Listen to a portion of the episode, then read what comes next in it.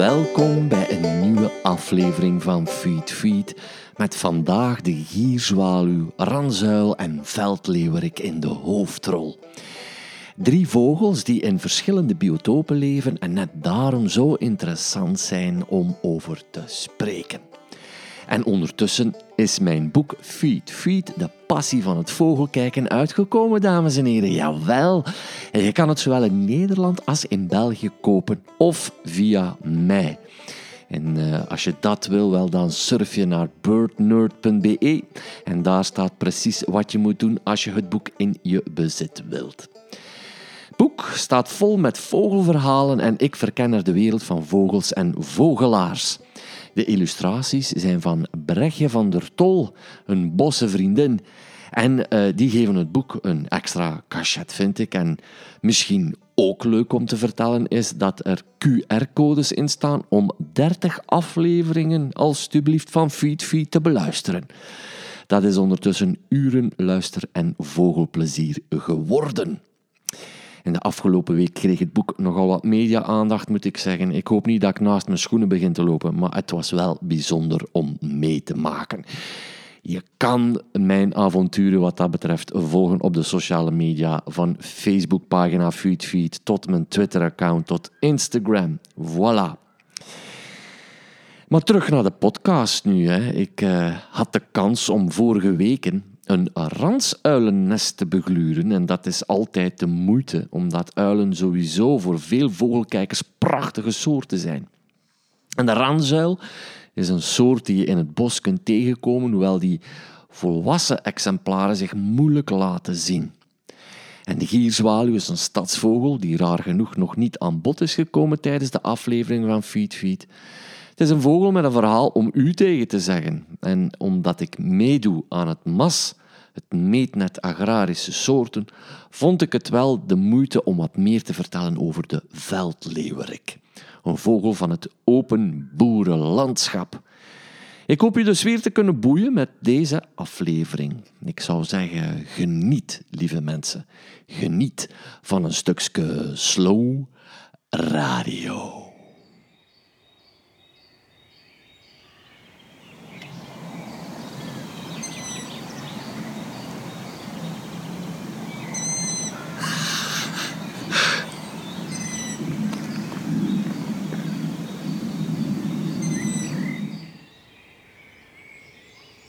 Hoor je dat gepiep?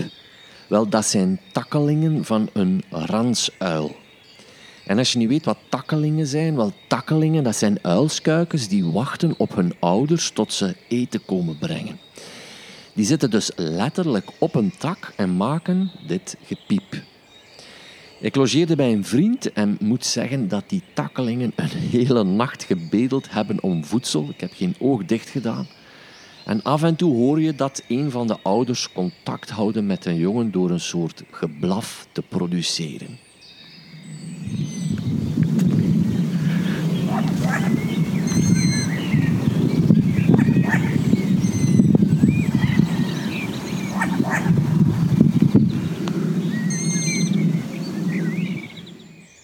Is een schitterend geluid dat ik nog nooit eerder had gehoord eigenlijk. Het houdt zo'n beetje het midden tussen alarm slaan, denk ik, en contact houden met de jongen. En toen ik naar geluiden aan het zoeken was van de ranzuil, viel mij op hoeveel korte, keffende en zelfs heese klanken zij produceren. Het zijn geluiden die eigenlijk niet onmiddellijk opvallen. Uh, en naast hun perfecte schutkleur lijkt ook mij dit een manier, of dat dan nu ongewild is of niet, maar om eigenlijk niet al te veel in de kijker te lopen. En toen ik uh, s'avonds in het vel stond waar dat nest was, zag ik een van de ouders regelmatig het veld invliegen vanuit de naaldboom waar de jongen in zaten. Dan jagen ze zo laag tegen de grond en met een spanwijdte van zo'n kleine meter is het een grote vogel wiens lijf al wat weggeeft van een sigaar, vind ik. De ranzuil die ik zag verbleef in een uh, naalbos met daar vlakbij akkers gelegen waar hij op jacht ging. Dus uh, uitmuntend biotoop voor die soort. En wat vooral opviel, en vooral in een landelijke omgeving dan, was dat het uh, echt stil was in heel de buurt. Maar als de ranzuil dan begint te vliegen, merk je dat die ook geen geluid maakt. Die kan echt geruisloos vliegen. Wat toch een prestatie is voor zo'n potige vogel, maar vooral indrukwekkend vind ik. Ehm, ze kunnen dat, hè, zo stil vliegen, omdat hun vleugels speciale veren hebben. En als je zo'n vleugelveer ooit vindt, zul je zien dat er tandjes op zitten op die vleugels, zo aan één kant. En die tandjes zorgen er eigenlijk voor dat hij in alle stilte uh, en de verschillende luchtstromen kan trotseren. Ik denk dat de fysica daar nog een uh, mooi verslagje van zal kunnen maken. En het is ook die techniek uh, die de uil bezit, waar technologen die bezig zijn met windmolens te maken, voor, constant aan het bestuderen zijn om hun windmolens zo geruisloos mogelijk te maken. Nu, uilen hebben een arsenaal aan aanpassingen om s'nachts of in de schemering goed te kunnen jagen. Ehm, ze hebben goed ontwikkelde ogen. Ze hebben ook een gezichtssluier. Uh, wat dat is, dat is eigenlijk, als je de, de, platte kop bekijkt van een uil, dan heeft hij daarop uh, volledig naar voren geplaatste ogen, zoals ons eigenlijk. Maar de veren die op die kop staan, zijn zodanig gestructureerd dat het geheel eigenlijk als een schotelantenne kan dienen om geluiden beter op te vangen. Maar eh, een uil heeft natuurlijk, zou ik zeggen, bijzondere ogen. De eerste keer dat ik ooit een ranzuil zag, dat was als kind, dat was overdag ergens op een weidepaal. En wat mij toen frappeerde was dat hij eigenlijk bijna onbewegelijk bleef zitten. Eh, bijna wonderlijk. En onlangs liet Jeroen de Nagel, eh, je zult hem wel kennen, de journalist, ik heb er ooit een podcast mee opgenomen, eh, die liet mij beelden zien die hij geschoten had van een velduil. Nog zo'n prachtige uilensoort van bij ons die het open landschap opzoekt. En dat is zelfs een grondbroeder. En die velduil die vertoonde juist hetzelfde gedrag. Dus die bleef namelijk gewoon als eigenlijk verdoofd zitten op een kluit aarde, ergens op een akker, waar ze uh, het ook trouwens de perfecte schutkleur voor hebben. En blijkbaar zitten dat soort uilen dan wat te suffen, want dat zijn uilen die overdag eigenlijk niet super actief zijn. En of een uil nu dag of nacht actief zou zijn, dat kan je zien aan de kleur van de ogen bij uilen. Heel markant. Misschien wat kort door de bocht, om dat allemaal zo strak in te delen. Maar als je eens eventjes kijkt naar de kleur van een ranzuil, je moet maar eens googlen, uh, dan zie je dat hij oranje ogen heeft. En hetzelfde met een uh, die heeft ook oranje ogen. Maar dat duidt op het feit dat uh, die soorten eigenlijk vogels zijn die eerder in de schemer, zowel s'avonds als s morgens, jagen. Terwijl een steenuil, maar ook een velduil, gele ogen heeft en dus overdag actief kan zijn. Het geval van de veldtuil, waar ik dan zojuist over vertelde, bleek toch niet zo uh, wakker te zijn. Uh, maar goed, in principe kan die veldtuil dus ook overdag gewoon jagen. En dan hebben we, voor de kenners weten dat we nu nog de bos en de kerkuil hebben. En als je die opzoekt, zul je zien dat die gitzwarte ogen hebben. En dat zou effectief duiden op het feit dat het nachtjagers zijn. Maar ik moet toegeven, het, het mooiste aan een ranzuil is eigenlijk het moment waarop je naar een boom staat te kijken, omdat je vermoedt dat hij daarin zit en opeens na heel lang zoeken zie je hem dan en dan kan hij je zo strak aankijken dat je er kippenvel van krijgt, want die heeft jou natuurlijk al lang een snotje. En wanneer hij dan niet op zijn gemak zit, zie je eigenlijk dat hij zich wel langer begint te maken. En dat is ook een, een, een soort gedrag. Hij begint zich uit te rekken en zijn oorpluimen steekt hij dan op. En als je dichterbij komt, ja, dan moet je eigenlijk weten dat hij klaar zit om weg te vliegen. Want die oorpluimen waar ik daar juist over sprak, dat zijn eigenlijk signaalgevers die meestal zeggen, ik moet hier opletten. Ja. Um, ik vond verleden week nog een aangereden ranzuil langs de kant van de weg. En toen ik die vastnam, ja, dan dacht ik van oei, bosuil. Maar die kop die leek helemaal niet op een ranzuil. En dat komt ook omdat een ranzuil, dat is heel merkwaardig, die kan eigenlijk verschillende uitdrukkingen hebben. Eigenlijk, je kan bijna spreken van expressies. Omdat er witte en zwarte delen zijn in de, in de gezichtsluier. Je weet nu wat dat is, voor degenen die dat niet wisten. Maar die kan dat op verschillende manieren tonen. En dus ja, ja, bijna expressief mee omgaan. En als je een ranzuil bekijkt, uh, zul je zien dat die qua uiterlijk wel wat weg heeft van een oehoe. Eh, die heeft ook oorpluimen trouwens. Um, uh, die oorpluimen heeft niks met oren op zich te maken, met de functie oren. Nogmaals, dat zijn puur en alleen maar signaalgevers, maar daarom misschien net zo mooi. Maar die oehoe is natuurlijk een pak groter. En nog zo'n weetje, een beetje macaber weetje misschien, is dat die oehoe wel eens een, ranzuil kan slaan om op te eten. Daar draait die oehoe de dag van vandaag zijn poot niet voor om. En in mijn boek kun je een verhaal lezen over de ranzuil dat ik heb meegemaakt. Ik kan niet zeggen waar, want anders maak ik het verhaal wat stuk. Um, maar ik zweer u dat het de moeite was. Ik, ik zag op een bepaalde plaats in Nederland uh, een groep uilen. En zo'n groep uilen noemen ze dan ook een uilenparlement. Uh, in de winter verzamelen ranzuilen zich. In de zomer zijn dat eigenlijk behoorlijk solitaire vogels. Maar ze komen dus samen in de winter en dan blijven ze in groep om de winter door te komen. En uh, soms komen ze zelfs heel dicht bij steden. Hè. In Bosnië of Servië, ik zou het terug moeten opzoeken, is er een, een stadje uh, bekend omwille van de grote hoeveelheid ranzuilen die daar elke winter uh, passeren. Je moet er het boek, ik pak het er even bij, het boek van uh, Miriam Darlington maar eens op nalezen. Het, het, boek heet De Magie van Uilen. Een prachtig boek, maar daarin staat ehm, de plaats beschreven waar die ranzuilen zo en masse zitten. En de, de schrijfster vertelt er trouwens nog bij dat wanneer ze daar arriveerde, ze haar, uh, haar flashlicht van haar fotoapparaat laat afgaan tot afgrijzen van uh, alle vogelaars daar aanwezig.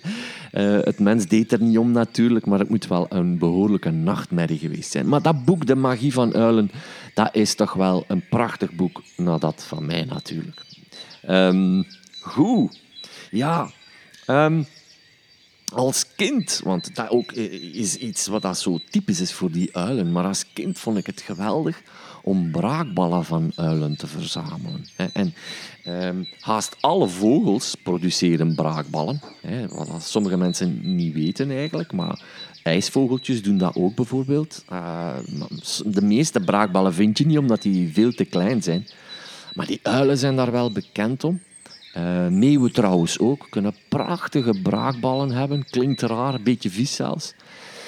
Maar uh, ik was ooit op een uh, pier in Denemarken aan het stappen en daar heb ik braakballen gezien. Echte kunstwerkjes.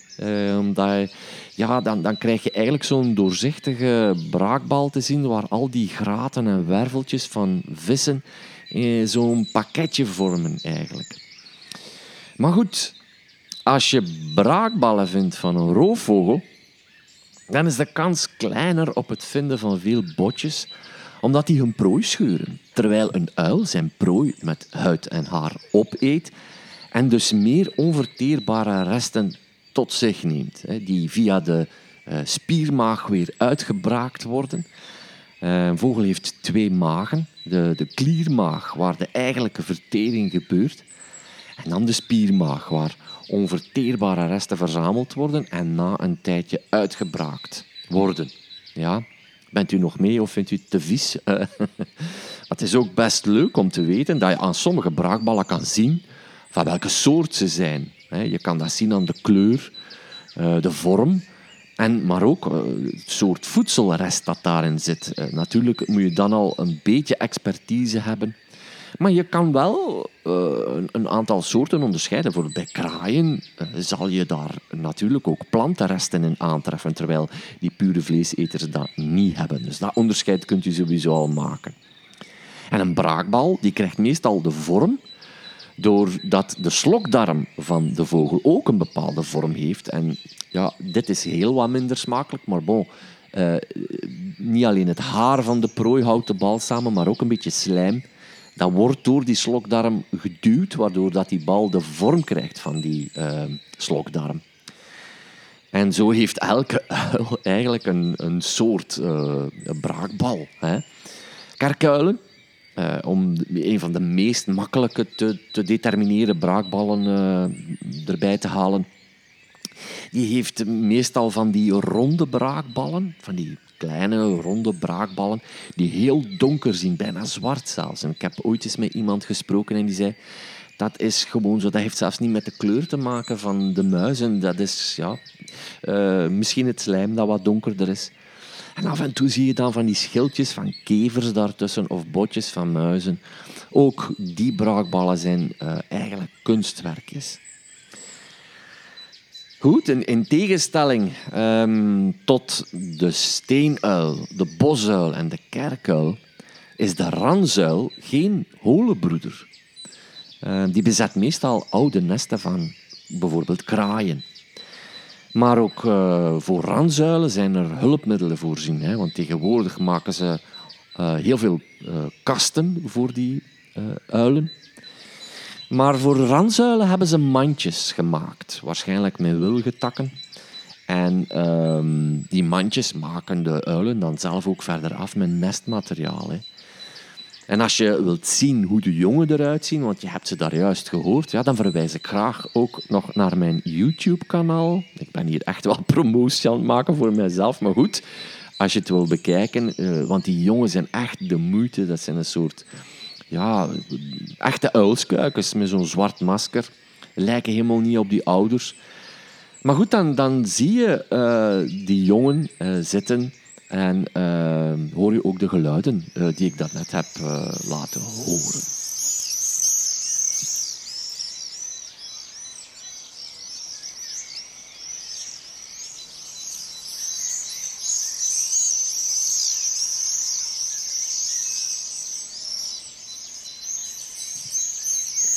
23 april, dames en heren. 23 april, die dag staat bij mij genoteerd als de eerste dag waarop ik dit jaar gierzwaluwen zag. Uh, dat is altijd zo'n moment die ja, nooit vergeten zal worden door vogelaars of genoteerd wordt. En je ziet dan ook op sociale media de dag van vandaag mensen twitteren of uh, op Facebook zetten ze van ik, uh, ik heb ze gehoord, ze zijn er weer. Het is dan alsof dat het officiële startschot van de lente is gegeven met het geluid van die gierzwaluwen. Je wordt er bijna nostalgisch van. Uh, die gierzwaluwen komen van ver en um, ik weet niet of u dat vernomen heeft, maar twee maanden geleden kwam er het bericht dat er duizenden trekvogels, waarvan een groot deel gierzwaluwen, uitgeput in de straten van Athene lagen. Ik heb daar ook foto's van gezien. Dat was vrij uh, een beetje ja, chockerend, zou ik maar zeggen. Er stond een sterke noordenwind naar het schijnt boven de Middellandse Zee, die er dus voor zorgde dat ze het moeilijk kregen. Maar er kwam ook nog eens uh, lage temperaturen om de hoek kijken en regen. En dat kan natuurlijk die vogels compleet uitputten. Um, het waren niet de gierzwaluwen die naar onze kontrijen kwamen, die daar in de straten lagen, maar degenen die naar het oosten uh, vlogen. Maar dan merk je ook wel dat de weersomstandigheden uh, behoorlijk wel weerslag kunnen hebben op de timing van hun broedsel en de populaties dus in uh, de zomergebieden. Maar godzijdank, hè, sedert 23 april hoorde ik weer van heel wat mensen dat de gierzwaluwen in onze kontrijen waren gearriveerd. Want dat blijven machtige vogels die tegen 120, zelfs 200 per uur door de straten vliegen. En dat geluid dat is toch meer dan geweldig. Um, Nederlands onderzoek tussen 2010 en 2012 heeft trouwens meer zicht gegeven op de trekroutes en de overwinteringsgebieden via geolocators. Uh, vier exemplaren konden gevolgd worden. En het grootste aan dit alles was dat ze uh, naar Congo vlogen, wat ze wel al vermoeden.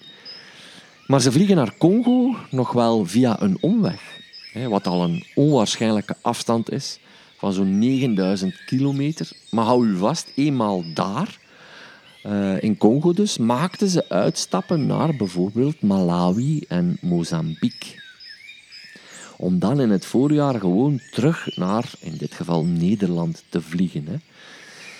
En hier leven ze eigenlijk alleen maar in de steden om in hoge gebouwen of kerken onder pannen te broeden. Dat moet toch een ongelooflijk verschil zijn om uh, ja, dat mee te maken. Hè. Eerst in die ongerepte natuur van Congo en dan die stinkende steden binnenvliegen hier in Europa. Gierzwaluwen behoren niet tot de familie van de zwaluwen, wat hun naam ja, misschien anders doet vermoeden. Maar ze zitten in een andere orde en dat zijn die gierzwaluwachtigen. Ik heb het daar al eens over gehad toen ik het over Oostenrijk had, omdat ik toen de Alpengierzwaluw had gezien. Dat is ook zo'n uh, zo'n soort die tot de gierzwaluwachtige behoort. Maar de gierzwaluw zou eigenlijk jawel, nauwer verwant zijn aan de kolibrie dan aan de zwaluw. En, uh, die indeling van uh, diersoorten, die speciale tak van de wetenschap noemt men taxonomie. En uiteindelijk ja, is dat ook maar mensenwerk. Maar tegenwoordig komen er door DNA-onderzoek toch wel andere relaties bovendrijven. En vroeger werd er ingedeeld op basis van uiterlijke kenmerken. Iemand die dat onwaarschijnlijk behartigd heeft en een enorme verdienste heeft gehad, was Linnaeus, een Zweed. Um, maar die uiterlijke kenmerken, ja, dat blijkt dus niet altijd te kloppen. Bijvoorbeeld, uh, nog zoiets, staartnezen blijken niet nauw verwant te zijn met de rest van de mezenfamilie. In mijn boek heb ik ook een hoofdstukje over de gierzwaluw geschreven, maar er bestaat een monografie, geschreven door Remco Daalder, die echt meer dan de moeite is. Ik uh, denk zelfs dat hij ooit een, uh, een monografie heeft geschreven ook over de meerkoet. Maar je, moet het echt lezen, want het is zeer mooi. Weerom na mijn boek natuurlijk. Uh, ik ga daarmee stoppen, want op den duur wordt dat wel wat flauw. Maar goed, um, in dat boek van Remco Daalder staat het onwaarschijnlijke leven van de gierzwaluw in beschreven. Hè. Een leven dat zich nagenoeg enkel in de lucht afspeelt. En met die 40 centimeter spanwijdte hij sikkelvormig, magnifiek, lijkt het een uh, grotere vogel dan hij eigenlijk is. Qua lijf is die eigenlijk vrij klein. Ik heb die ooit in mijn handen gehad, een, uh, wederom een dood exemplaar. Uh, prachtige soort ehm, familie van mij heeft die echt in zijn straat vliegen. En dat is magnifiek. Hè. Ik heb echt in die straat gestaan en, en ah, het lijkt alsof ze recht op jou gaan vliegen. Het is nogal een rustige straat ook. Ja, maar dat is de charme van de zomer, vind ik, hè, die gierzwaluwen. Um, er bestaat trouwens een, een, een, schoon stukje poëzie over de gierzwaluw. Uh, geschreven door een Nederlandse dichteres, Judith Hertzberg. En uh, ja, als ik dat gedicht uh, las, ja, dat was eigenlijk een en al herkenbaarheid, omdat ik die ooit eens heb vastgehad. De eerste regels van dat gedicht, uh, die heb ik hier voor mij liggen, die gaan als volgt. Kop afgeplat als arendshoofd, ogen diep en scherp en droevig ligt hij gewoon. Zo ongewoon voor wie zijn leven boven leeft op onze stoep. Hij haakt zich in mijn hand met roofdiernagelnaalden. Voilà. De rest moet u maar eens opzoeken. Uh, het gedicht heet gewoon uh, de, de Gierzwaluw. Een citaatje uh, van Judith Hertzberg. Uh, zoek het op, het is een prachtig gedicht. En ik zal het ehm, wel vinden op internet en delen op de sociale media. De gierzwaluw vertrekt vrij vroeg uit ons land, hè, soms al in juli En die doen dat om de regenzone op te zoeken in Afrika, die voor een insectenexplosie zorgt en waar zij dus volop van kunnen profiteren. En uh, het, het, rare is ook dat die gierzwaluw dus eigenlijk vrij laat toekomt. Dus die is hier niet zo super lang. En misschien ook juist daarom dat het verlangen zo groot is om die heel die periode hier te kunnen zien en die eerste geluiden op te vangen. Zijn er uh, bedreigingen voor de gierzwaluw? Wel, ik ga eerlijk zijn, ik heb ooit in een slecht valkennest een dode gierzwaluw gezien. Dus uh, ja, die slechtvalk blijkt dan toch nog wel een predator te zijn voor die gierzwaluw. Kunt u dat voorstellen? De slechtvalk is de snelste vogel ter wereld die het opneemt tegen een gierzwaluw, die volgens mij ook zeker en vast in de top 10 staat van de snelste vogels. Dat moet uh, onwaarschijnlijk geweest zijn wanneer die slechtvalk die kon uh, slaan. Maar een andere bedreiging, en dat is misschien wel markant voor een insectenverdelger uh, als een gierzwaluw, is dat er eigenlijk een luis bestaat die enkel parasiteert op de gierzwaluw, die toepasselijk de gierzwaluwluisvlieg noemt. Ik hoop dat u ooit met Scrabble dat woord kunt leggen. Dat zal heel wat punten opleveren. Maar vooral bij jongere uh, gierzwaluwen kan die een kwalijke reputatie hebben, naar het schijnt. Heeft stekende monddelen, uh, die luis. En kan bloed opzuigen en werkelijk opzwellen als een teek. En um, typisch voor dieren in de natuur is dat ze zich kunnen aanpassen aan hun omgeving, of ze zijn aangepast aan hun omgeving, dat zal het nog meer zijn. Uh, die luizen die zijn behoorlijk plat, omdat ze zich tussen het verenkleed moeten kunnen bewegen.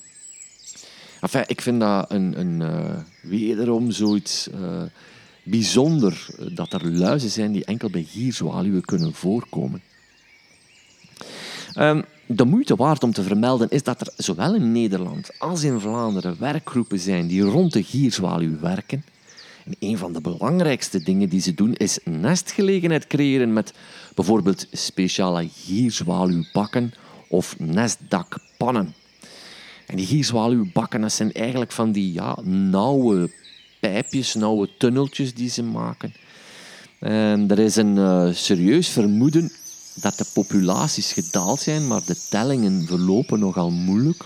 Uh, is natuurlijk een soort die niet zo gemakkelijk te tellen is. Net zoals bijvoorbeeld die ranzuil. Hè. Uh, die zijn zo goed gecamoufleerd, die ranzuilen, dat ze moeilijk te inventariseren zijn. En die gierzwaluwen leven hoog en, en zijn supersnel. Dus dat is een andere reden waarom ze minder goed te inventariseren zijn. Um, maar die vrijwilligers van die werkgroepen die proberen dus die nestplaatsen uit te breiden. Uh, omdat er door het afsluiten van heel wat hoge gebouwen, maar ook door bijvoorbeeld de isolatienormen, uh, veel broedgelegenheid verloren is gegaan.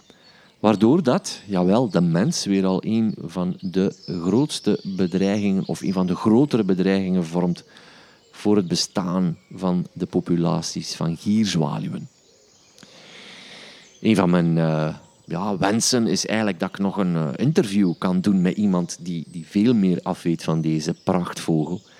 En dat zal er zeker van komen, een van de volgende afleveringen na de uh, toch wel op de zenuw werkende coronaperiode nu. Uh, wel dat ik moet zeggen dat ik hier mijn local patch wel heb waar ik heel veel moois kan zien. Ik denk eigenlijk dat ik het beste kan afsluiten door nog eens te luisteren naar de roep van de gierzwaluw die uh, en soms als een groepje stuka's door onze straten denderen.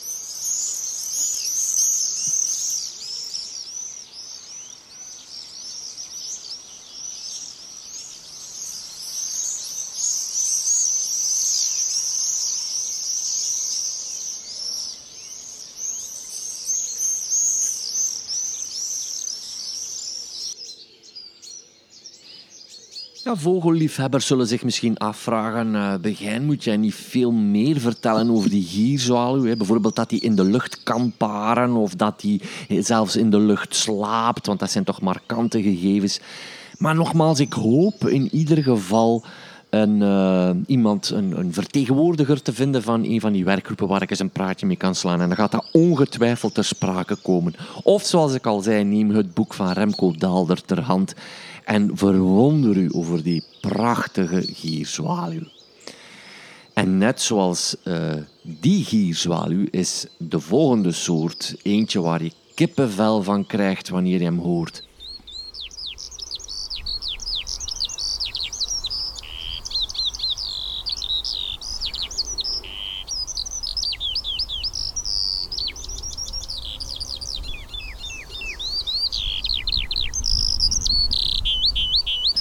En dat is de veldleeuwerik.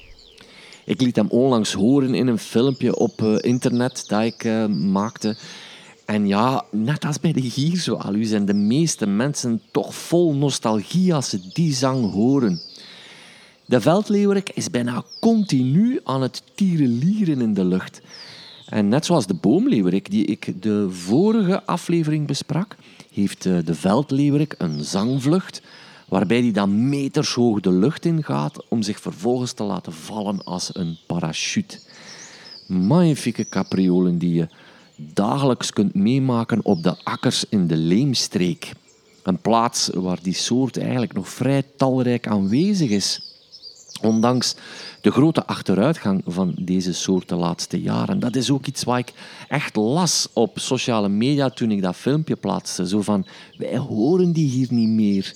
Uh, waar is die naartoe? Ja, er is echt een achteruitgang ingezet bij die veldleeuwerik. Um, in tegenstelling tot de gierzwaluw, die steden prefereert en die gebouwen om in te broeden, is de veldleeuwerik daar een volledige tegenstelling van. Dat is namelijk een soort die open landschappen prefereert. Zelfs een bos in de buurt, dat is voor een leeuwerik te veel.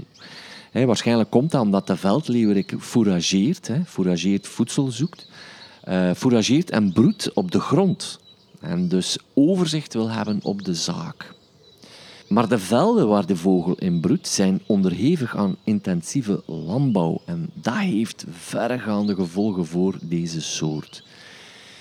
Ehm, doordat graslanden vroeger worden gemaaid, maar ook vaker, lukt het de leeuwerik moeilijker om uh, nakomelingen te produceren. Het is te zeggen om genoeg nakomelingen te produceren om de soort in stand te houden maar ook de afwezigheid van onkruidzaden en uh, ongewervelden.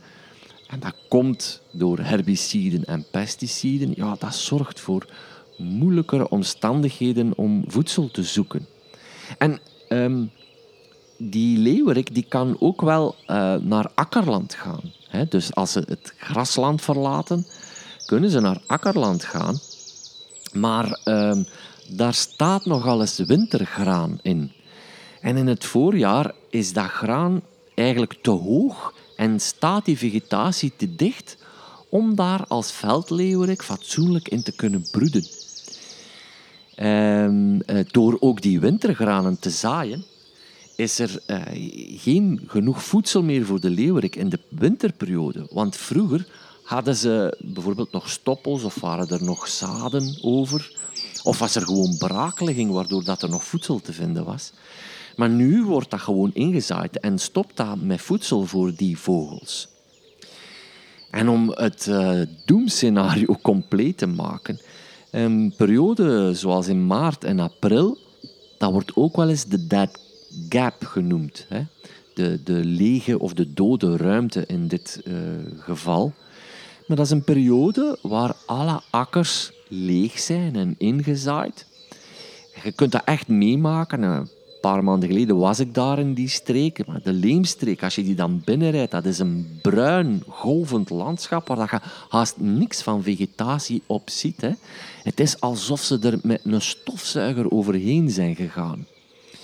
En de cijfers zijn ook uh, ja, om je zorgen over te maken als het u aanbelangt. Uh, van de jaren 70 tot nu zou 95% van alle Vlaamse leeuweriken verdwenen zijn. En ehm, ik moet zeggen dat die trend nu behoorlijk hard is ingezet. Want als ik nog kijk in de vogelatlas van 2002, lijkt die nog wel behoorlijk verspreid te zitten. Maar in korte periode is daar dus verandering in gekomen. Dat is altijd confronterend hè, om mee te maken. Uh, mensen die nog iets ouder zijn dan mij, die zullen de verdwijning meegemaakt hebben van bijvoorbeeld de ortolaan. Um, ik heb de verdwijning van de kemphaan nog meegemaakt, alhoewel ik misschien ook nog iets te jong was, maar ik heb de kemphaan nog weten te broeden in Canesvliet, ergens in Sas van Gent in Zeeland. Hè? Zoals dat nummertje ook gaat van Louis Neefs. Um, maar ja, dat is dus confronterend. Hè? Uh, als kind was die veldleeuwerik voor mij ook een algemene soort op het platteland. Uh, ik heb dan ook nog altijd het beeld van mijzelf dat ik op mijn rug lag ergens in zo'n grasland en, en die voor de eerste keer zag. En dan uh, met open mond uh, zag dat hij inderdaad dat soort vrije valmoment had, waarin dat hij zich als een parachute laat vallen. maar stap voor stap merk je dus dat er aardig wat soorten verloren aan het gaan zijn in ons akkervogelbestand. En de eerste die daar eigenlijk uitgaan binnen die soorten, dat zijn de soorten die eigenlijk geen transitie kunnen maken. Daarmee wil ik zeggen, dat zijn vogels die eigenlijk zich niet kunnen aanpassen qua biotoop. Om nu eens een totaal andere soort te noemen, de buizen bijvoorbeeld, die heeft dat fantastisch gedaan. Uh, die kan echt nu uh, bijna een soort cultuurvolger genoemd worden. Je ziet hem ook heel veel langs de snelweg zitten. Ehm, maar er zijn soorten die kunnen dat gewoon niet. En dat zijn de eerste soorten die verdwijnen. Zoals bijvoorbeeld de kemphaan, waar ik het er juist over had. En zeker de ortolaan. Um, onlangs heb ik een fantastische op observatie, determinatie gezien van Johannes Jansen trouwens, die nog zo'n ortolaan, zo'n soort gors is dat eigenlijk, gezien heeft in de Leemstreek. Dat is echt zo'n schone soort. Je moet er de Facebookpagina maar eens op naslaan. Dan zal je zien dat Johannes daar tijdens zijn meetnetmoment um, om akkervogels te inventariseren en te tellen, is dat een ortolaan heeft gespot en daar gelukkig nog een prachtige foto van heeft kunnen nemen. Ehm, vogels die ook bij die akkervogels leunen en wel een transitie hebben gemaakt, zijn bijvoorbeeld de scholekster. Die hebben dus zo'n aanpassingsvermogen dat ze uh, ja, kunnen evolueren van weide naar akker. En nu, zoals ik dat bijvoorbeeld al uh, vermeld heb in de aflevering met Kevin Lambeets, maar ook die met Roman Spildoorn is dat ter sprake gekomen. Er zijn schooleksters die tegenwoordig al gewoon op het dak uh, broeden van een appartement in de stad. Dat is al niet meer, ja, niet meer zo ongewoon. Um, maar dezelfde noodsituatie tekent zich uh, nu af bij de veldleeuwerik. Hoewel ik hoor dat de daling van de populatie trager verloopt de laatste jaren. Wat kan er gedaan worden? Ja, dat is geen simpele vraag natuurlijk. Um, als lid van de werkgroep Grauwe Gors uh, moet ik daar af en toe wel eens wat over lezen. En uh, je zit natuurlijk nu uh, op het gebied, uh, letterlijk en figuurlijk, van de landbouwer. En je moet dan eigenlijk al een overeenkomst sluiten of een akkoordje sluiten met de landbouwer om te vragen of hij het ziet zitten om een en ander ja, aan te passen, zou ik zeggen. Um, als je natuurpunter bent bijvoorbeeld en je werkt in een natuurgebied van Natuurpunt, liggen die dingen helemaal anders uh, dan, dan kan je in overleg met gelijkgestemden uh, nagaan of er iets kan veranderd worden. Maar ja, je bent dan op het land van een landbouwer en dat is niet van u. En uh, daarom ligt dat wel iets moeilijker. Je bent een soort indringer. Maar gelukkig, en dat heb ik meegemaakt. je moet er de aflevering van de de bootcamp met de landbouwers maar eens op naluisteren. Er zijn eh, landbouwers die uh, mee willen werken en de boeren natuur een warm hart toedragen. Maar wat kunnen boeren doen? Weet je? Boeren kunnen het maaien bijvoorbeeld uitstellen. Dat zal niet eenvoudig zijn, maar die kunnen dat wel uitstellen. Zodanig dat die vogels kansen krijgen om hun broedsel mooi af te ronden. Um, ze kunnen akkerranden ongemoeid laten, want zoals ik daar juist zei, ehm, vangen ze graag uh, ongewervelden of ehm, eh, zaden van wat dat zij dan onkruiden noemen en wij kruid noemen. Want dat zijn, die akkerranden zijn vaak goede plaatsen waar ze dat nog kunnen vinden. Hè. En ehm, het is hier nogal vermeld geweest in een van de afleveringen. Er kunnen natuurlijk ook vogelakkers aangelegd worden. En dat is al een serieuze beheersovereenkomst die kan gemaakt worden. Ehm, en nogmaals, vogelakkers, dat zijn akkers die stroken hebben, die braak liggen. En stroken met bijvoorbeeld uh, een gewas op als luzerne. Ja, luzerne is een vlinderbloemige. Uh, en, dat is, en, dat is, een gewas dat niet zo hoog en zo dicht komt te staan als uh, wintertarwe. En dat is dus ideaal voor die leeuwerik om in te broeden. En um, ja, je vraagt je misschien af wat de boer met die luzerne doet. Wel, dat is een gewas met veel eiwit in. Het is trouwens een goede groenbemester.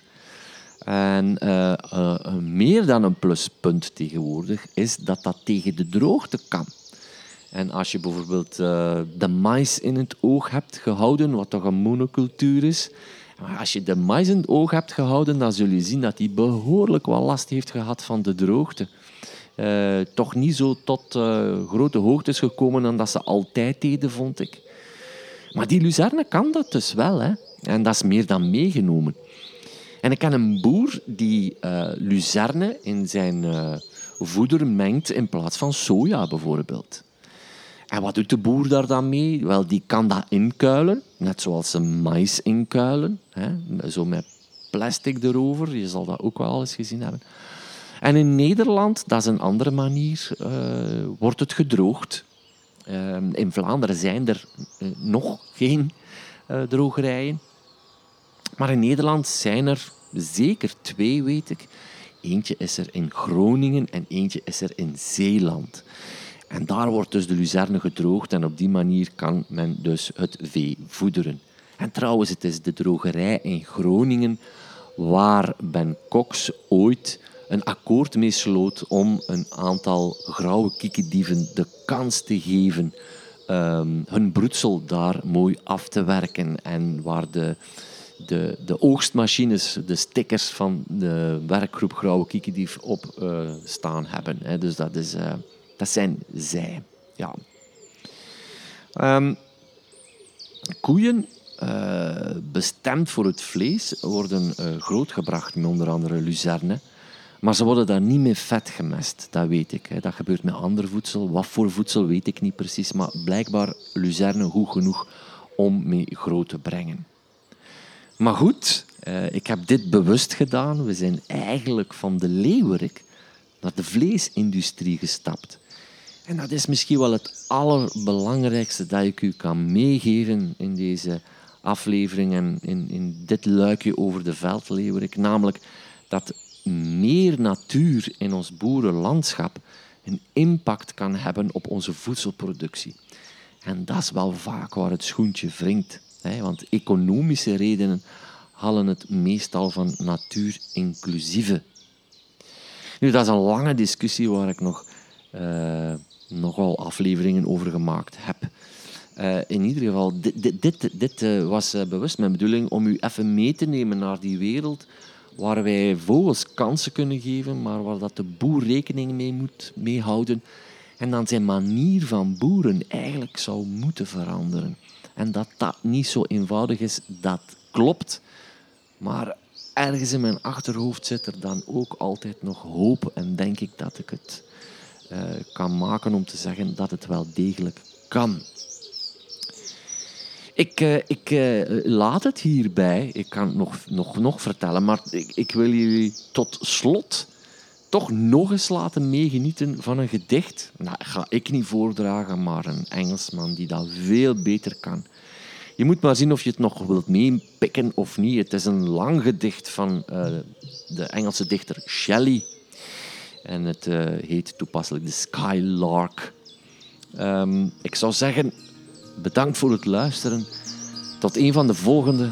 En vergeet vooral mijn boek niet te kopen. Casa Casa.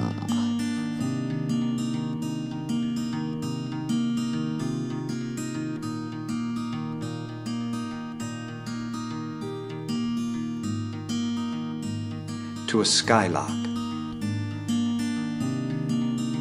Hail to thee, blithe spirit, bird thou never wert, that from heaven or near it pourest thy full heart in profuse strains of unpremeditated art.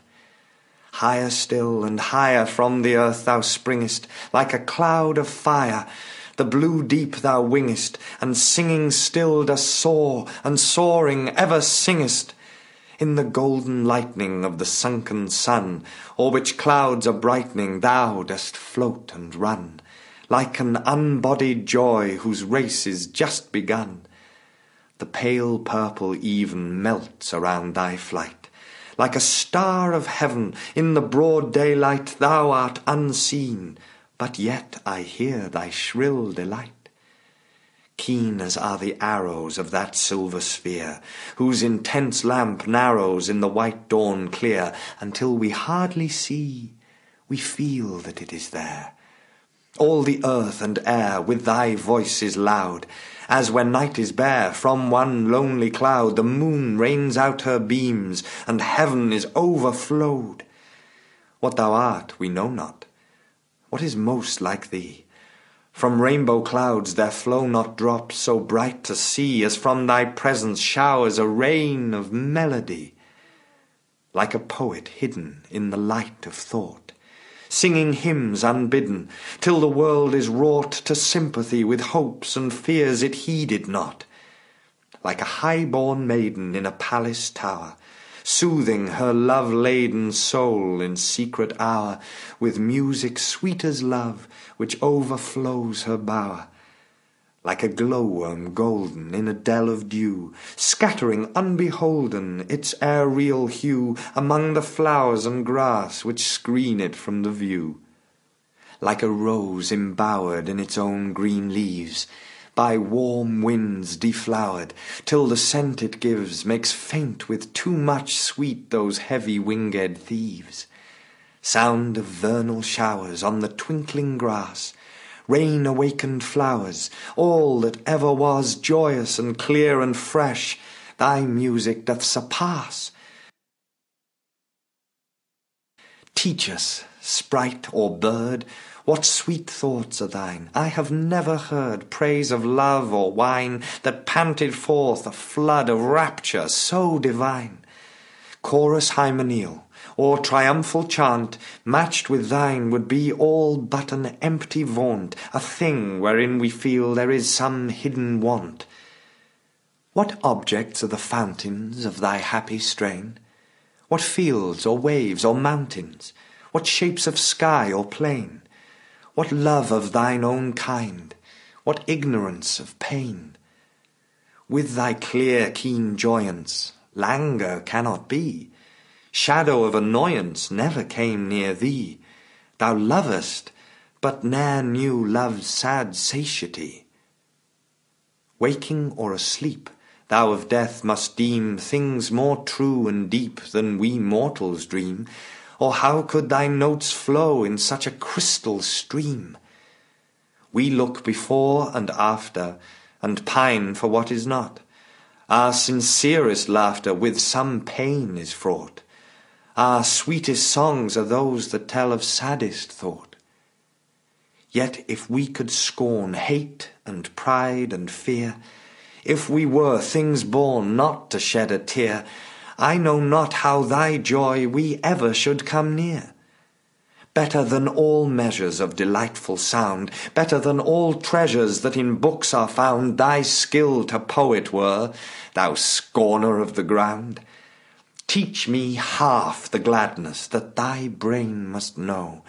Such harmonious madness from my lips would flow, the world should listen then, as I am listening now.